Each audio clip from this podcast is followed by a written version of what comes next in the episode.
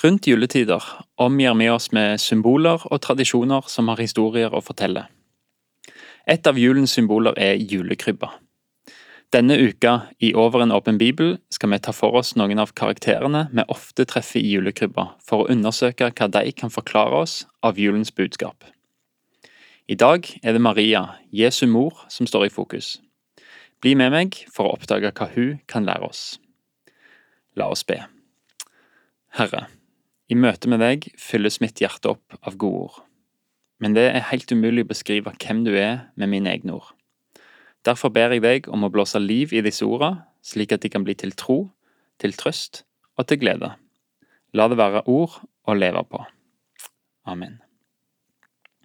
Vi skal starte med å lese en tekst som knyttes til Maria, Marias budskapsdag, da Maria får beskjed fra Gud om at hun skal bli med barn. Den står skrevet i Lukasevangeliet kapittel 1 vers 26 til 38. Men da Elisabeth var i sjette måned, ble engelen Gabriel sendt fra Gud til en by i Galilea som het Nasaret, til en jomfru som var lovet bort til Josef, en mann av Davids ett. Jomfruens navn var Maria. Engen kom inn til henne og sa, Vær hilset, du som har fått nåde, Herren er med deg. Hun ble forskrekket over engelens ord og undret seg over hva denne hilsenen skulle bety. Men engelen sa til henne, Frykt ikke, Maria, for du har funnet nåde hos Gud. Hør, du skal bli med barn og føde en sønn, og du skal gi ham navnet Jesus. Han skal være stor og kalles Den høyestes sønn og Herren Gud skal gi ham hans far Davids trone. Han skal være konge over Jakobs hus til evig tid. Det skal ikke være ende på hans kongedømme. Maria sa til engelen, Hvordan skal dette kunne skje når jeg ikke har vært sammen med noen mann? Engelen svarte, Den hellige ånd skal komme over deg, og den høyestes kraft skal overskygge deg. Derfor skal barnet som blir født, være hellig og kalles Guds sønn. Og hør, din slektning Elisabeth venter en sønn, hun også, på sine gamle dager. Hun som de sa ikke kunne få barn, er allerede i sjette måned.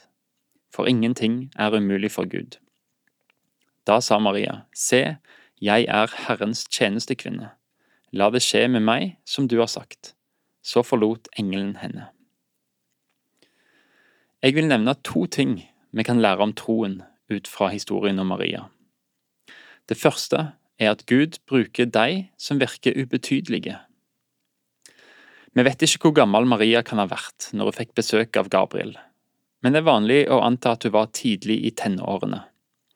Hun er ikke rik eller del av en viktig familie, og i tillegg bor hun i byen Nasaret, en helt ubetydelig by som ikke engang er nevnt i Det gamle testamentet. Gud handler egentlig mot all menneskelig fornuft. Hvorfor vil han gi Maria et slikt oppdrag? Hun er på ingen måte kvalifisert. Likevel kommer budskapet og oppdraget fra Gud til en ubetydelig ung jente i en ubetydelig by i en ubetydelig region, Galilea. Hvorfor Gud?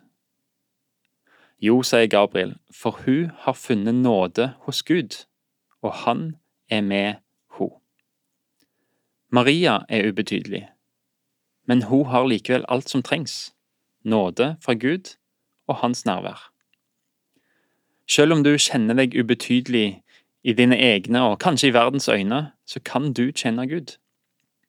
Du trenger ikke være rik, viktig eller presteutdannet.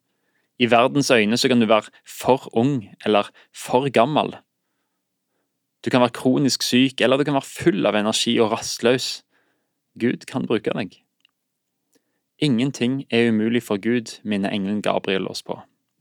Alt du trenger, er Guds nåde og Hans nærvær. Da kan vi ikke være ubetydelige, for Han er gitt all makt i himmel og på jord. Han er med oss alle dager. Det andre vi kan lære av Maria, er at det kan koste å følge Guds kall. Jeg vet ikke om vi med vår kulturbakgrunn kan forstå helt hva som går gjennom hodet på Maria idet hun får denne beskjeden av engelen Gabriel. Maria var lova bort til Josef. Etter en sånn trolovelse så var forholdet etter jødisk skikk absolutt bindende. Men i denne trolovelsestida så blir Maria med barn. Josef og Maria var juridisk knytta til hverandre, men de levde ennå ikke sammen som mann og kone.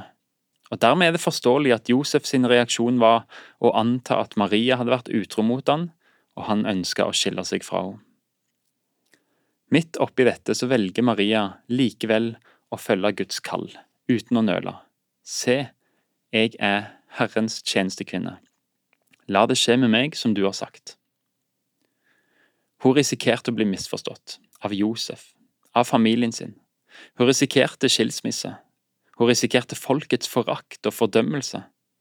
Men på tross av dette ville Maria være i Guds vilje med sitt liv. Når hun beskriver seg som en Herrens tjenerinne, så anerkjenner hun at hun er underlagt Guds vilje og plan. Guds vilje er viktigere enn alt annet i hennes liv, viktigere enn hennes eget rykte.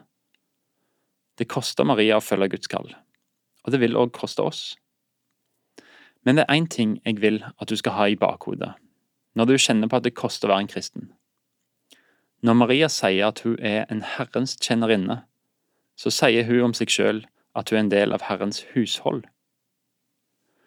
Hun risikerer kanskje hele sin framtid i Josef sitt hushold, men når, når hun er Herrens tjenerinne, så er det så mye større for hun enn å være Josefs kone og bygdas snille pike. Når Maria sier at du er Herrens tjenerinne, gir det hun mer trygghet og en sterkere identitet enn ei dronning noen gang kan få. Heller Guds tjener enn verdens dronning. For Maria koster det masse å bære fram Jesus. Og ved Den hellige ånd så bærer du som er kristen òg frem Jesus. Det kan by på situasjoner der du må legge bort din egen ære. Du kan bli misforstått, og det vil koste deg men han har gjort deg til sitt barn og vil gi deg sin arv. Det er større enn alt annet vi kan arbeide for. Må Herren velsigne deg og bevare deg. Herren la sitt ansikt lyse over deg og være deg nådig. Må Herren løfte sitt åsyn på deg og gi deg fred. Du har nå hørt en andakt i serien Over en åpen bibel, og andaktsholder var Kristian Lilleheim. Serien blir produsert av Norea Mediemisjon hver fredag formiddag tilbyr vi forbønn. Ring oss på telefon 38 14 50 20. 38 14 50 20 mellom klokka 9 og klokka 11.30. Eller du kan når som helst sende oss en melding via Facebook eller e-post. Bruk da adresse post krøllalfa norea.no.